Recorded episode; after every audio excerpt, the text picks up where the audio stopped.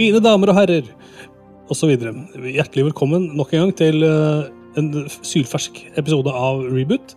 Podkasten for deg som eh, elsker å reboote livet ditt hver helg. eh, og som da tvinges til en fysisk eh, omstart hver mandag. Veldig sånn båssetter, da. Eh, at det er jo mange som lever av forskjellige liv, og kanskje har litt helg midt i uka osv. Det er ikke sånn at eh, det fins bare én type mennesker. Uansett, eh, her i studio sammen med meg sitter Tommy Myhrvold og Thomas Marinovskij. God dag. God dag, god dag. God dag, god dag. God, god ettermiddag, mine herrer. Ja, det er veldig flott, da. Vi har tatt på oss dress i dag, alle mann, og litt formell i stilen. Sånn må det være, rett og slett. Når vi, så vi skal jo pynte oss inn i helga, da. Jeg har pynta meg for reboot, jeg, vet du. Du, altså. Du er jo Ja, ja. kjekkere enn noen gang. eh. Må ha, må ha, må ha, må ha stil for eh, lytterne våre. Det er sant. Men du, Tommy, du har jo satt på en flosshatt, eh, men også sånn eh, et slags smekke som man drar i, så man liksom justerer øyden. Ja. Det- Den gikk jeg til innkjøp av denne uka her, faktisk. For jeg tenkte jeg måtte finne en måte å uppe eh, kostymet på. Så jeg er glad for at du la merke til det. Ja, jeg legger merke til når folk pynter, pynter seg, vet du. Du, dette her er jo Starfield-uka. Den første øh, uka hvor det er lov å snakke om det spillet og hva man uh, opplever i det spillet. Og anmeldelsen er jo på vei utover. Uh, vi har ikke fått uh, anmelderkode, så vi har jo egentlig ikke så mye vi skulle sagt, rett og slett. Men vi har jo meninger om uh, businessen, da, Thomas. Ja, nei, eh, det er jo, vi er blitt lovet eh, review-kode. Eh, i, I skrivende stund, torsdag 31. august, så har vi ikke fått det. Men eh, det løser seg nok. Eh, vi, vi kommer tilbake med både førsteinntrykk og anmeldelser og alt som er av Starfield. Det er jo et spill jeg er personlig veldig gira på, på å teste ut. Så jeg, eh, jeg ser jo frem til å tilbringe kommende tid i, i galaksen. Men det har vel vært noe, noe litt sånn snakk om at noen har fått koder, og noen har ikke fått koder. Men eh, jeg har ikke hengt meg så veldig opp i det, fordi det er jo, jeg har jo på en måte vært på mottakersiden av anmeldereksemplarer i, i eh, ganske mange år. Og, og det, er jo, det er jo litt sånn det er, da. Eh, Det er bare at Starfield har vært så hypa at, at det har kommet mer fram, da. At noen fikk koder seinere enn andre. Men, og, hvorfor, det kan man alltids lure på.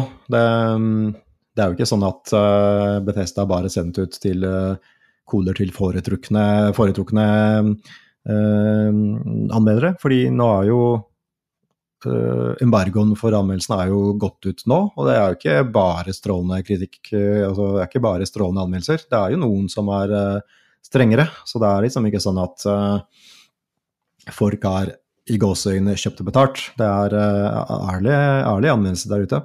Mm. Eh, så det, det, men ja, bare min erfaring er at det, disse PR-folka og PR-organisasjonene er ofte Det er mye rart der ute. Det er eh, mye rare eh, prioriteringer og avtaler og forskjellige avdelinger som kanskje ikke alltid kommuniserer så bra med hverandre. Og du har liksom eh, noen som jobber i, med, kun med USA, og noen som jobber kun med Europa. Og så, har vi jo eh, ofte egne PR-folk i Norden. Og disse, disse selskapene har ofte egne folk i stort sett Sverige og Danmark. Ikke så mange i Norge. Men, eh, men eh, det, det er Det er mye rart. Uten at jeg kan gi noe nøyaktig svar på hvorfor uh, ting blir forskjellig prioritert og, og, og misforstått, da. Men uh, man skulle trodd at det var bare nok å generere 50 000 uh, digitale review-koder og bare sende ut til alle som er. Men eh, tydeligvis ikke.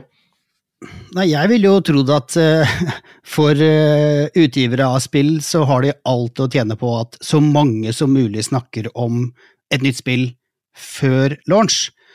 Men eh, de har kanskje andre prioriteringer og andre strategier da, enn jeg klarer å tenke meg til sjøl, fordi det er jo tydelig sånn at de slipper til noen eh, før launch og andre på launch, og sikkert noen etter launch òg, jeg veit ikke.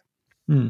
Ja, vi bare, trenger bare å se på Boulders Gate 3, som vi har fått kjempegode anmeldelser. Og en kjempesuksess.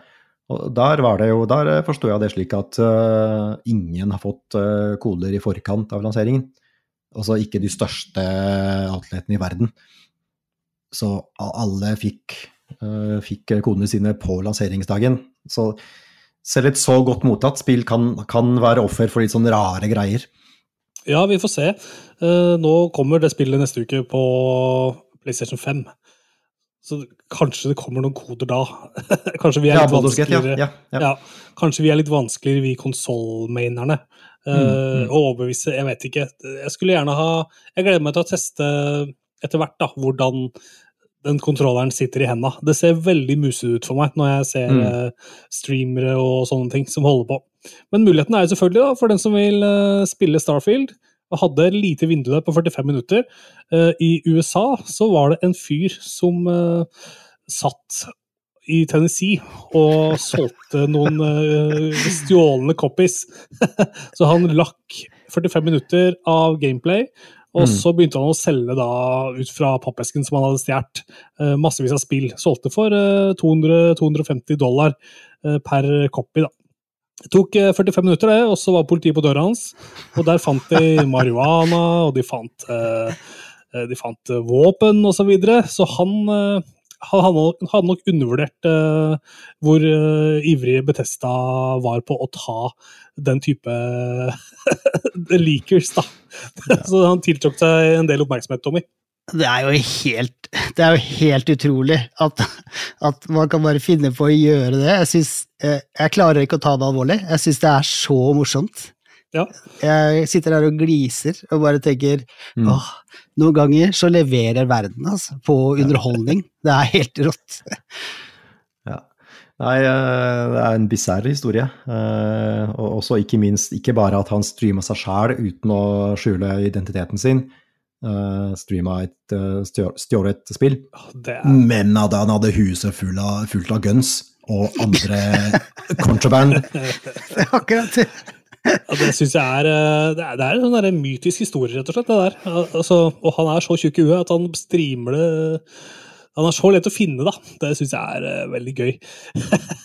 Men uh, nå er det ikke noe vits i å kjøpe fra Scalpers lenger. Nå dukker det her opp det er det vel denne uka her, da? At man kan kjøpe seg Early Access-tilgang?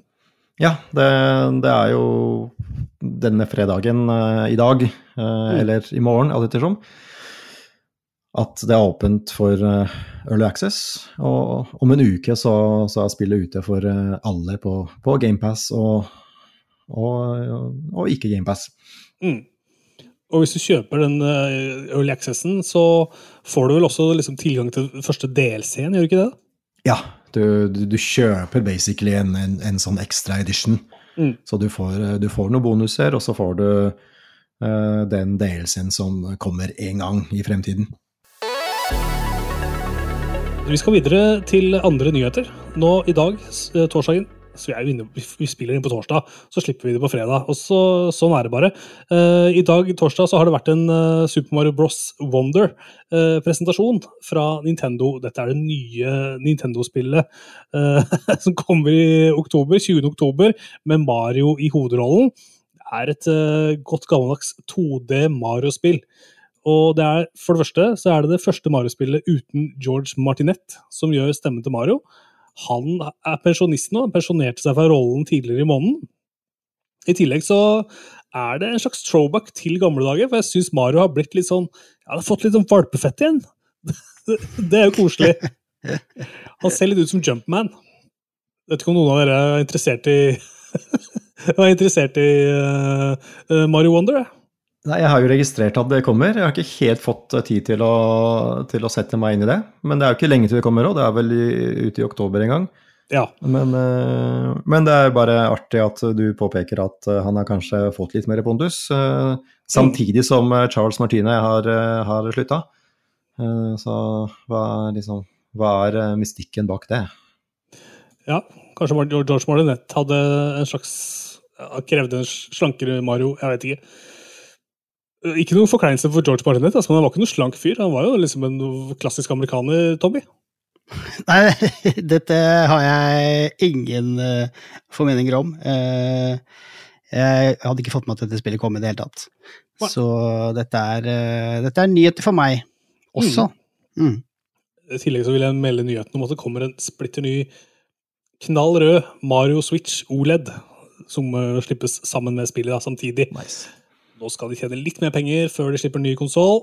Dette samleobjektet her må man kjøpe, eller hva? Den var lekker, i hvert fall. Jeg skal ha fem. I andre nyheter så har de eh, nå, nå, lukter det at det kommer en 20-årsjubileumsutgave av Beyond Good and Evil. Eller hva tror dere, gutter?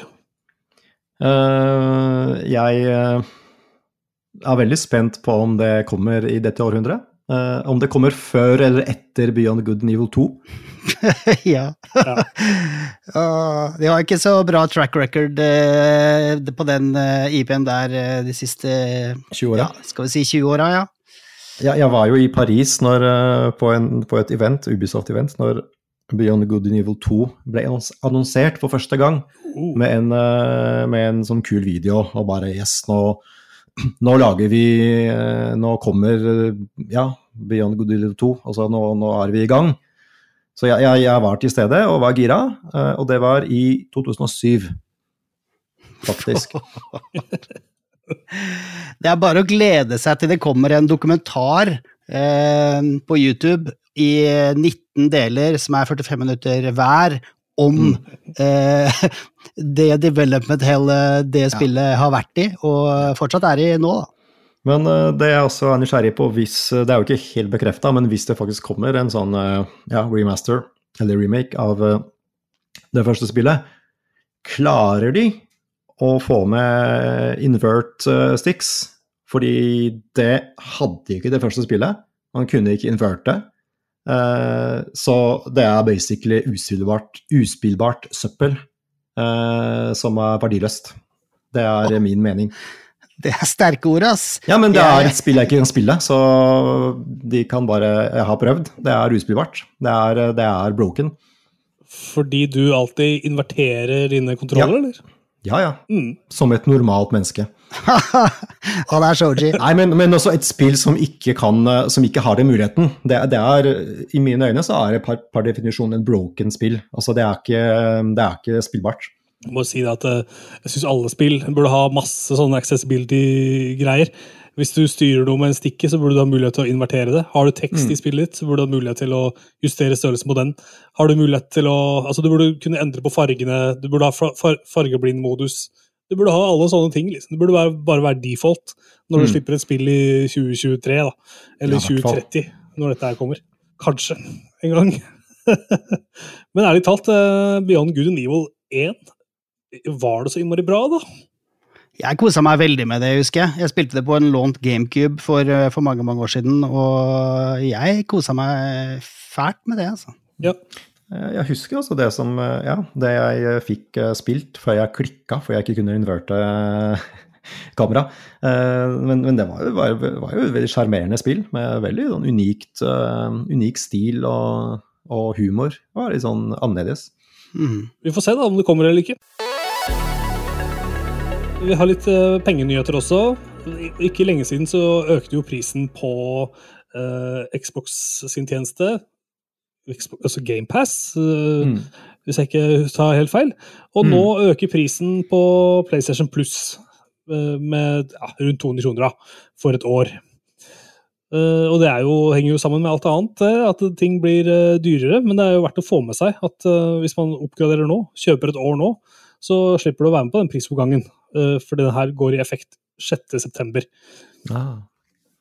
Det er et godt, godt poeng. Har penger, eh, penger spart inntil neste, neste gang. I forbindelse med Starfield så har jo også Microsoft nå fjerna en del sånne prøveut, prøvetilbud og dette tikronerstilbudet de hadde for å uh, prøve GamePass. Hva syns dere, er det utspekulert, eller er det innafor?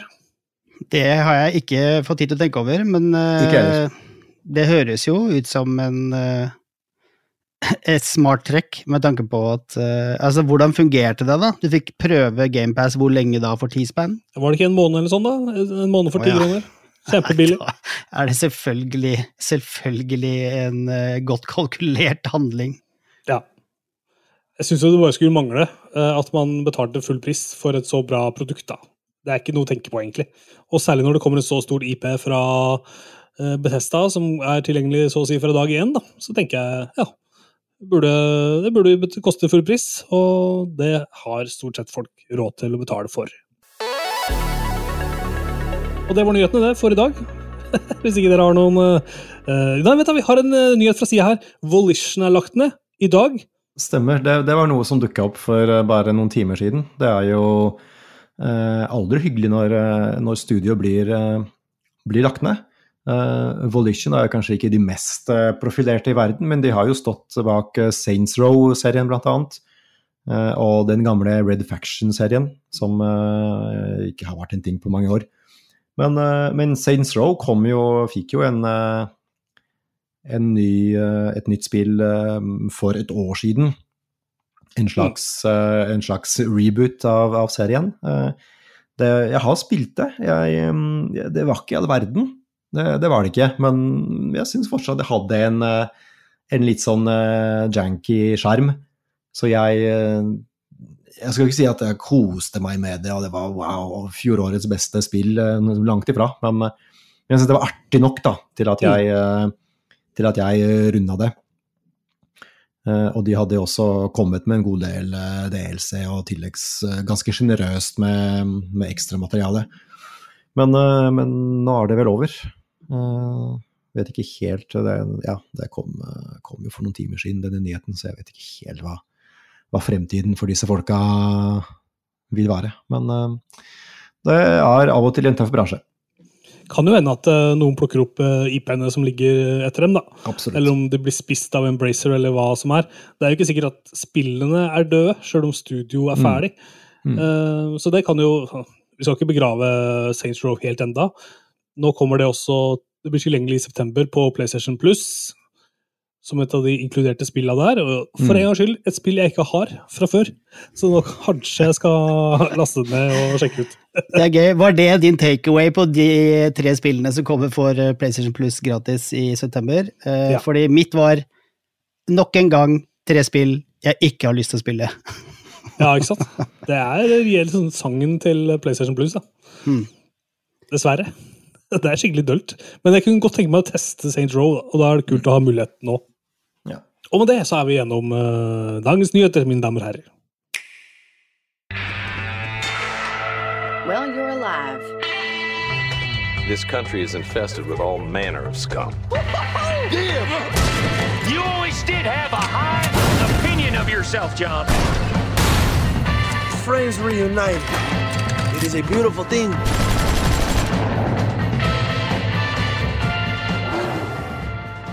Du, nå er det sånn at Red Dead Redemption har fått seg en re-release.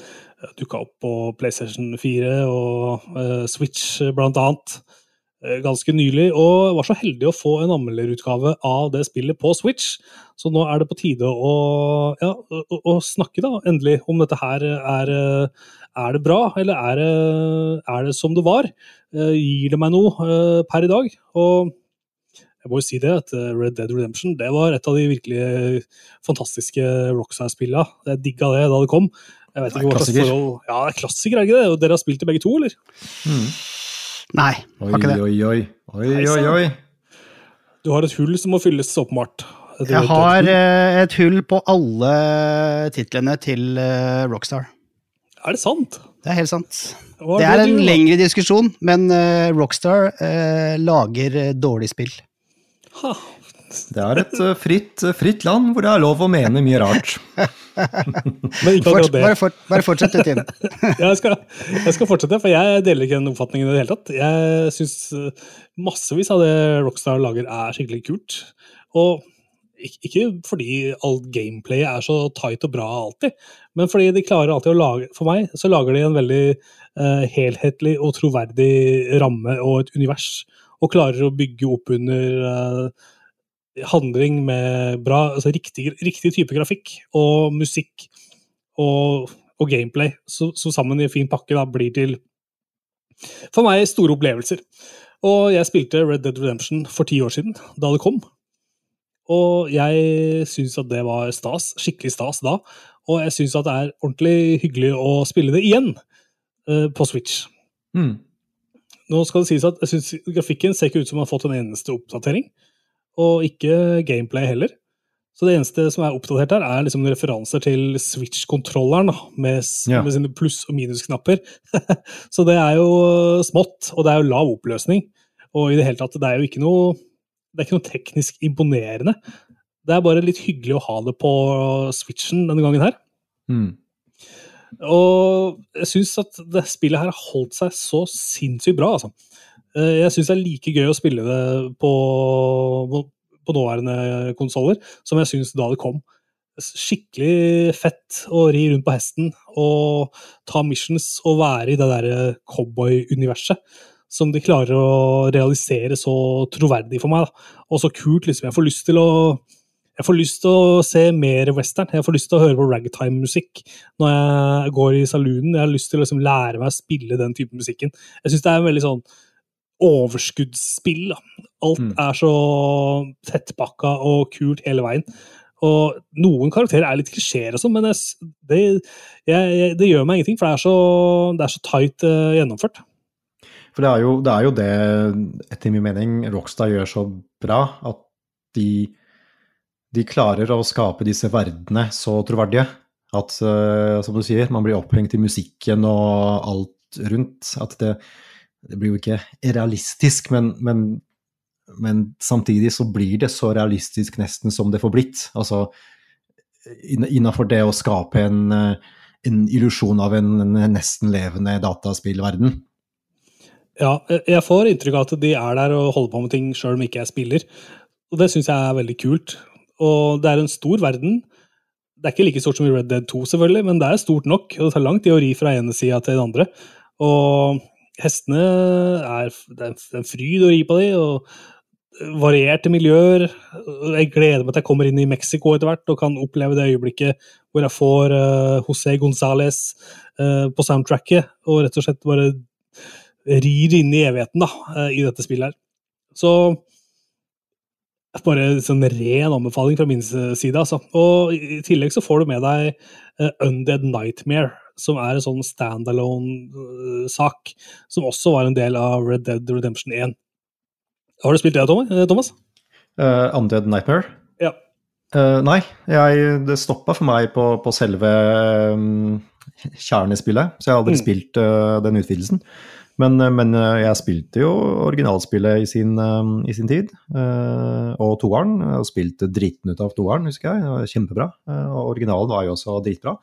Men det er klart, vi har jo vært litt inne på det temaet tidligere. På en måte verdien for pengene når det gjelder den re remaster-versjonen. Mm. For det er, jo, det er jo tynt. Altså, selve spillet er jo glimrende.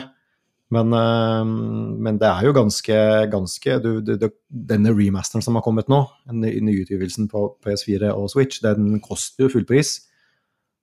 Ja. Og det er gjort en minimal jobb. Også det er jo knapt øh, på, på PS4 så får du jo 4K-oppløsning, men, øh, men det er jo ellers um, veldig, veldig lite oppussing som, er, som er gjort. Jeg har jo også nevnt det tidligere at hvis man har Xbox, og hvis man eier Red Dead på Xbox 360, så kan man spille det gjennom bakoverkompatibilitet. Og bare der så får du jo spille i 4K. Ja. Og det er bare litt sånn dumt at nå har det, nå har det kommet en helt ny utgivelse til fullpris på PS4, og som er basically den, denne oppskalerte originalversjonen. Så man skulle bare ønske at det, det var litt mer kjøtt på beinet, at de, de gjorde en eh, litt mer omfattende oppussingsjobb eh, når de først eh, gir et spill på nytt. Ja, det er sant. Men samtidig så syns jeg det er så bra, uh, sjølve spillet i seg sjøl, at du får både originalen og Undead Nightmare. Så jeg forsvarer egentlig den prisen, sånn som Mm. det er nå. Jeg forsvarer det til og med på Switch. Jeg syns at det er friskmeldt, rett og slett. Eh, Hele den For meg så er dette her verdt eh, 549, da, som det koster nå.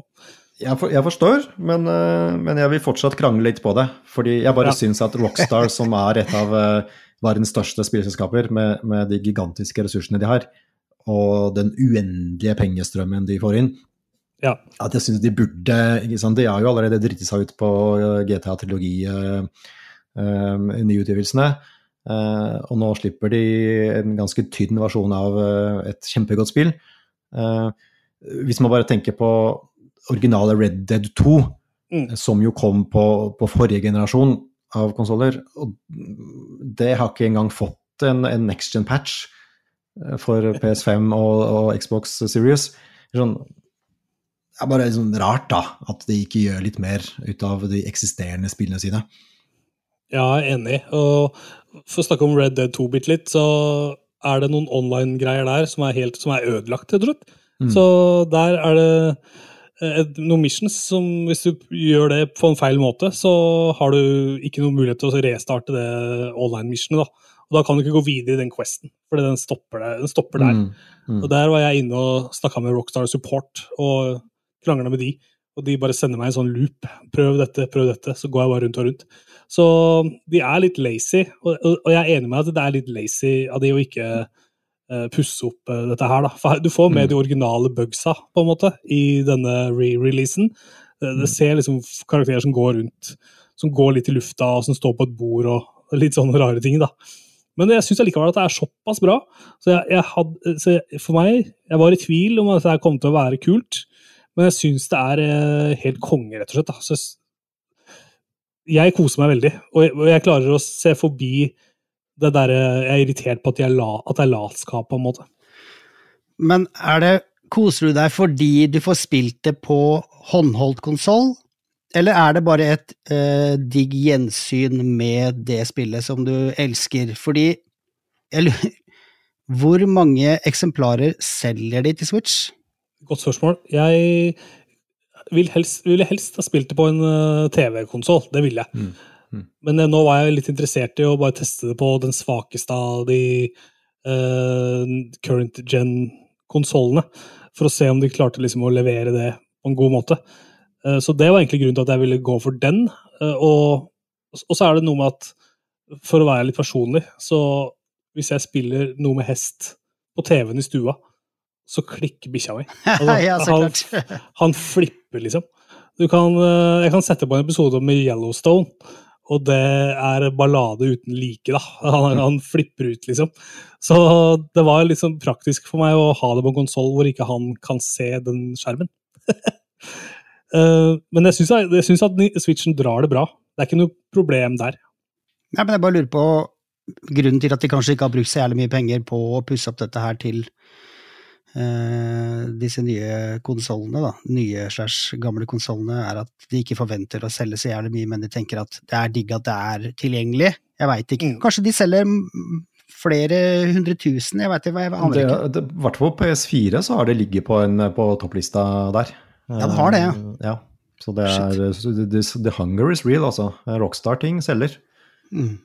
Ja, det er det egentlig jeg har å melde om uh, Rockstar sitt uh, spill Red Dead Redemption 1.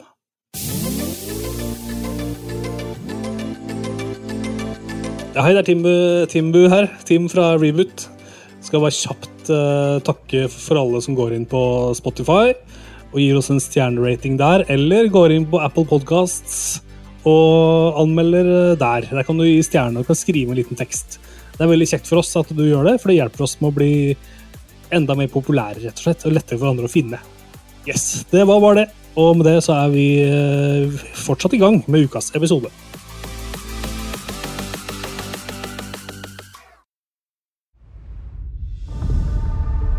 There's coral, there's blood.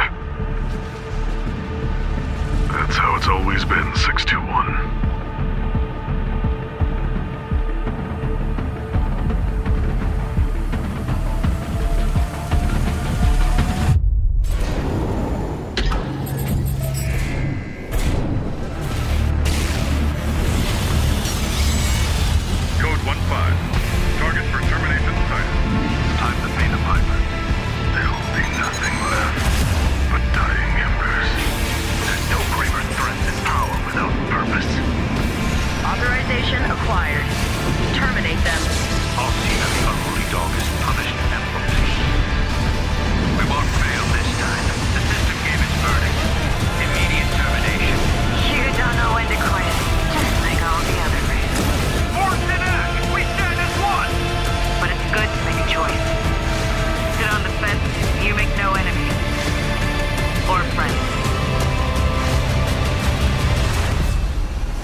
Ja, det var litt lyd der fra uh, traileren til Armored Core 6. Dette FromSoft-spillet, Tommy, som du har kosa deg med i det siste, eller? Eller har du ikke kosa deg? Ja, det har vært uh, litt begge deler. Uh, mest ikke-kos, hvis jeg skal være helt ærlig. Mm. Men ja, den traileren lover jo akkurat det du får i spillet, da. Det er helt sånn crazy action til tider, eh, etter eh, Eller akkompagnert av eh, litt synt og storslåtte musikalske verk. Mm. Ehm, jeg kjente ikke til denne serien i det hele tatt, jeg. Er det noen av dere som har spilt noen av de Armored Core-spillene, eller? Nei, jeg, jeg kjenner jo til navnet, eh, og ser, altså serien. Jeg, jeg husker jo, det var jo en ting eh, før From Software blei uh, ble Soulsborne-fabrikk. Mm. Ja, ikke sant. Nei, for det har jo kommet, som sagt, eh, det har jo tydelig da kommet fem spill før dette, og det er jo i hvert fall 10-15 år siden eh, det siste kom. Mm. Så nå har de blåst støvet av denne IP-en, og det er jo noen helt andre eh, som jobber på Armored Core 6 enn eksempel som jobba på Elden Ring. Ja. Det er et helt, altså vært på, på toppen, det er et helt annet team. Uh, og det er kanskje ikke så rart, fordi det er et helt annet type spill. Mm. Uh, du flyr, uh, eller du, hva skal jeg si, du kjører sånne svære Mex, og ja, jeg har ikke noe særlig forhold til Mex heller. For meg så er det en sånn, det er en sånn japansk greie. I Japan er det helt sånn derre De elsker Mex. Jeg vet ikke hvor mange sånne mangaer om Mex det fins der ute. Jeg bare Det er mye. Ja, og det er jo bare for å bryte inn, Mex i spill har jo en lang historie. For så vidt også i vestlige spill. Altså, jeg husker jo Mech Warrior-serien i, gamle dager. Og øh, for så vidt flere andre også, øh, som jeg ikke kommer på i farta. Men, men det er jo veldig, veldig lett å, å lage, ser jeg for meg, å lage spill om, øh, om Mex. Fordi Eh, eh, hvem, hvem kan mislike å sette seg inn i en gigantisk våpenmaskin på to bein med raketter og, og, og alt mulig annet eh, moro? Eh, for så vidt det er mange spill som ikke handler om Mex i, i seg sjøl, men som lærer deg styre en Mech underveis, hvor du kan kanskje gå inn i en Mech og bruke det i visse brett. Mm. Så Mex er jo litt gøy, da. Ja, nei, det, Når du sier det, så kjenner jeg jo meg enig i det. det er jo, I veldig mange spill så går du inn i en eh, sånn type Kanskje ikke en hel Mac, men at du får på deg noe utstyr som gjør at du blir mye større og mye sterkere. Power Powerloader. Ja, ja, nettopp. Og de, eh, de brettene er alltid dritkule, syns jeg. Mm. Eh, Men det skal jeg si, da jeg starta opp dette spillet her, Armored Core 6, Fires of Rubicon som det heter, Mm. så hata jeg det ganske hardt å kjøre Mac. Fordi jeg bare faen, altså, det kjennes tungt, og det bare øh, og, så, eh, og så går det sakte, og så bare er det seigt. Og så må du lære deg, da, og det er jo ikke sånn det er i det hele tatt. Du må bare lære deg å bruke boosterne. Så, så okay. skater du rundt, og du bare flyr rundt som, som om det var den letteste ting i verden, liksom. Og det føles så jævlig bra. Mm. Ok. Ja. Ja, det gjør det. Eh, Det er helt eh, vilt. Eh, Hvor godt det kan føles. Jeg ser for meg en elefant på, på skøyter nedover en elv, på en måte. Er det Ja. et bra bilde? Ja, det er akkurat sånn, fordi du kan jo gå, selvfølgelig, og så kan du ha mange forskjellige du, Altså, oppgraderingssystemet på, denne, på disse mekkene i dette spillet er helt sånn Det er så mye forskjellige bein og armer og overkropper og hoder og sånn med forskjellige stats, da. Mm. Du kan velge, men du kan selvfølgelig gå vanlig, og så kan du trykke på boost, og da bare sklir du framover. Og da, se, og da, da sannsynligvis da, så, så flyr den liksom bare så vidt over bakken, men ikke nok over bakken til at det ser ut som du er over bakken, så det ser ut som du skater bortover. Mm. Altså går på skøyter. Eh, og sånn føles det. Det er en sinnssyk flyt i det. Mm. Og så kan du selvfølgelig også gå tredimensjonalt. Men la oss ta litt om spillet først. Eh, nå har vi jo snakka masse uten å si hva det egentlig er. Mm. Eh, det er jo et actionspill. Et tredjepersons actionspill. Eh, det er jo sci-fi, selvfølgelig, fordi du har jo ikke sånne Max nå. Eh, langt inn i framtida et eller annet sted, aner ikke hvilket år det er. Eh, en helt annen fremmed planet du aldri har hørt om. Er du en ensom leiesoldat, eller mercenary, eller merc, som det heter. Leiesoldat høres så lame ut. Mm. Eh, på denne planeten som er for lengst, virker det som, helt sånn totalt uh, fraflytta. Og det er forskjellige fraksjoner som kjemper om ressursene her.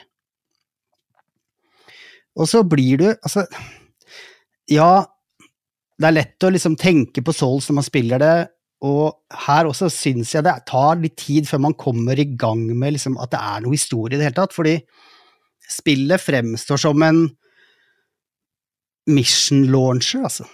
Mm. Du gjør en mission, og så bare blir du stående stille, og så går skjermen i svart, og så er du i garasjen, liksom, og det er bare en load screen, hvor du kan velge menyer, og så kan du gå inn og bytte deler, og du kan kjøpe deler og selge deler, og så launcher du en ny mission. Og så er det selvfølgelig en viss kronologi i historiemissionene, men du kan også gå tilbake og spille de gamle missionene på nytt. Og så er det også en del training missions. Og jeg sto jævlig tidlig fast på en boss, apropos Souls, og bare stanga og stanga hva faen, jeg, jeg gir opp, liksom. Uh, og så fant jeg en artikkel det, på nettet hvor det sto 'Spill training missionene'. det er lurt. Uh, og det gjorde jeg da, og da får du for det første litt flyt, og så skjønner du litt mer av hva som er greia, pluss at du får en del items, du får noen våpen og sånn. Mm. Så det er faktisk eh, bel- belønninger eh, fra training missions som er Ja. genuint nyttige i spillet. Absolutt, og det Og takk Gud for det, for å si det sånn. Hvis ikke så hadde jeg slutta å spille for lengst. Mm. Eh, For det er litt sånn her, det er, men det er veldig stor forskjell på de missionene. Eh, Noen av de er bare, bare et par minutter, og andre varer en halvtime 40, liksom. Så det er utrolig sånn merkelig. Og så er det, men, men du får noen små drypp av historie, da. Mm. eh, som jeg ikke fenger meg i det hele tatt. Jeg er kanskje 15-20 timer inn nå. Og det Jeg veit ikke, ass. Eh, nå står jeg fast på, på en boss, og det er helt umulig. Jeg har prøvd, og du må jo prøve forskjellige builds. Eh, du kan jo ha opptil fire forskjellige våpen med deg. Du har ett i Mm. hver hånd eventuelt, og så har du én på hver skulder. Så du, du løper rundt og skyter med begge pekefingrene og langfingrene, da. Ja, alle skulderknappene i full, eh, full effekt. Ja. Ja. Eh, og når du får det til å flyte, så er det jo kjempegøy. Uh, men jeg sliter med de svære bossene. Det du kan gjøre, er å gå tilbake og spille igjen alle de gamle missionene dine, og få den samme rewarden som du fikk første gangen. Og det er alltid pengerewards. Så du kan kjøpe nye eh, våpen og nye deler. Så det blir en sånn derre bild En sånn bildonani for å klare å finne en bild til den bossen. Og det tror jeg du I løpet av det spillet så må du det mange ganger. Så må grinde deg litt opp til, eh, til eh, å låse opp, kjøpe eller få råd til stadig bedre ting. Eh, Og finne, å finne de riktige tingene. De riktige tingene er mer viktig, fordi det er forskjellige typer våpen eh, som gjør forskjellige typer damage. Eh, og det, det tar litt tid å finne ut, og jeg er ikke sånn super eh, Hva heter det for noe? Jeg har ikke så veldig lang lunte på sånne ting. Eh, og i hvert fall ikke dette spillet, kanskje. Jeg tror kanskje jeg har det på andre ting, hvis jeg føler at Hvis jeg er investert, da. Mm. Her er jeg ikke investert i historien, uh, i hvert fall ikke ennå.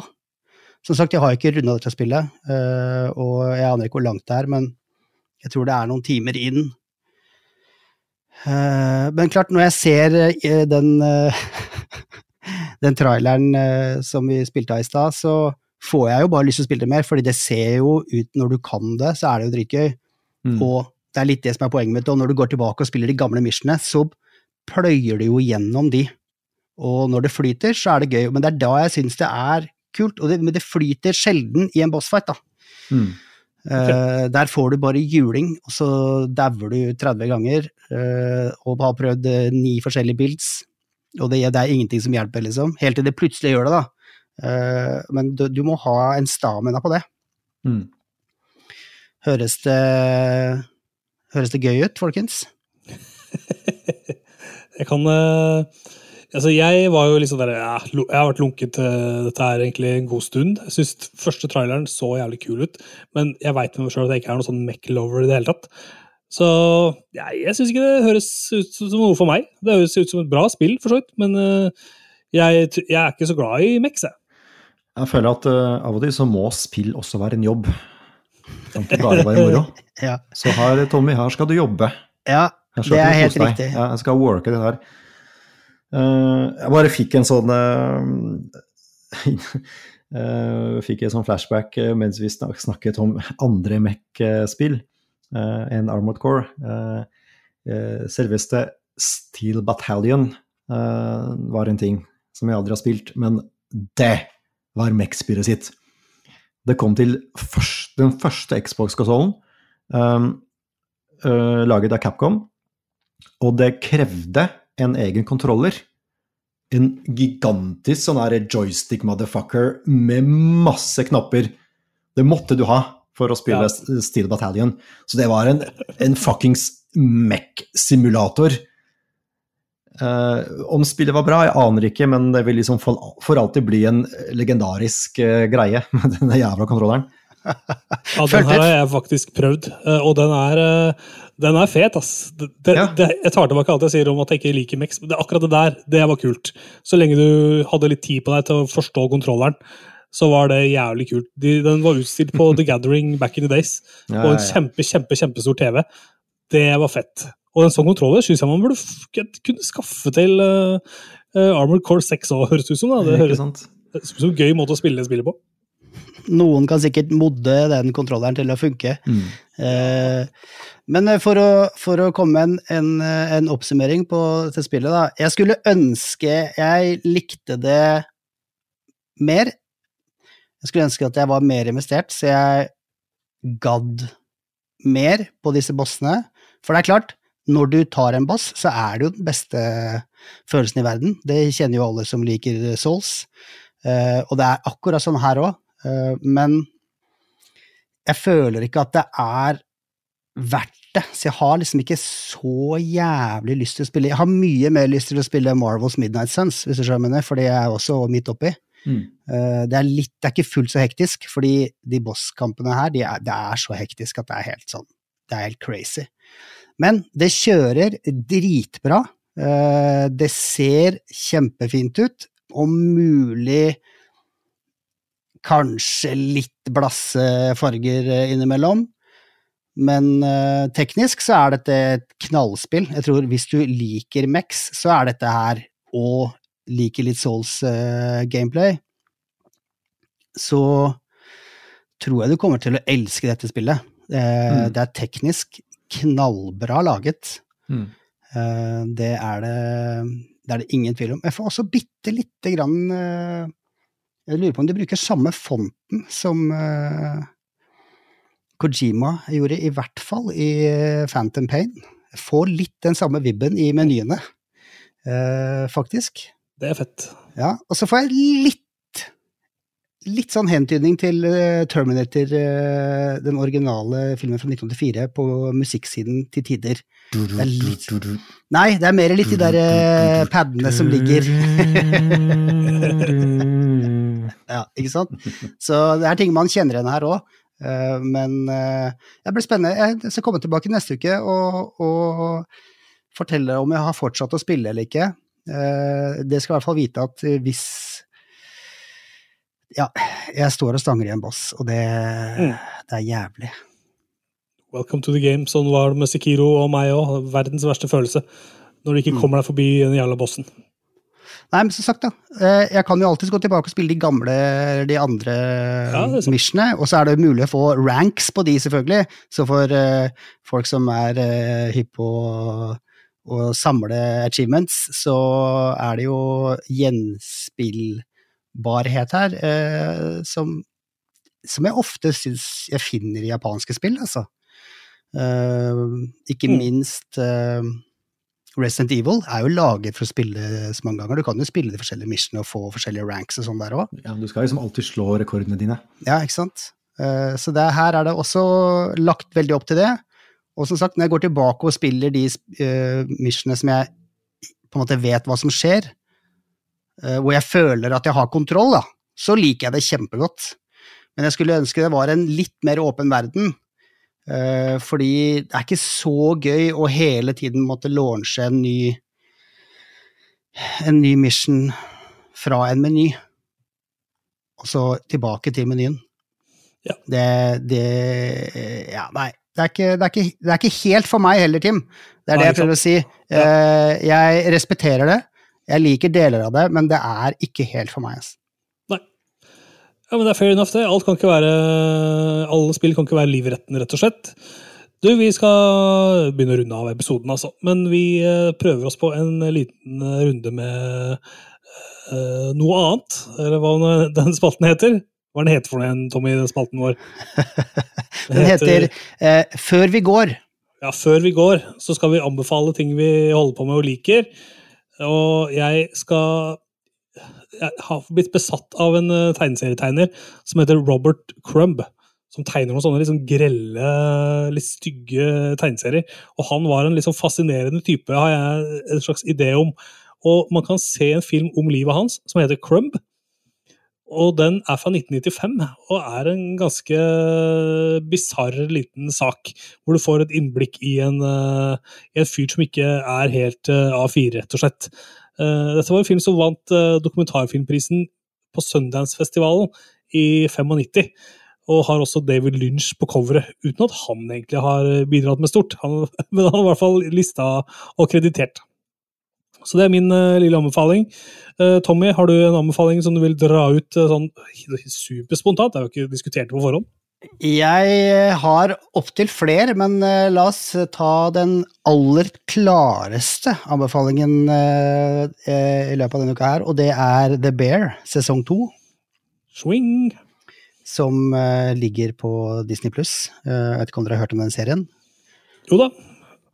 Ja, jeg har, jeg må si med all respekt, jeg har prøvd det når det først kom, og klarte ikke å ja, Jeg så ikke første episode ferdig engang, jeg.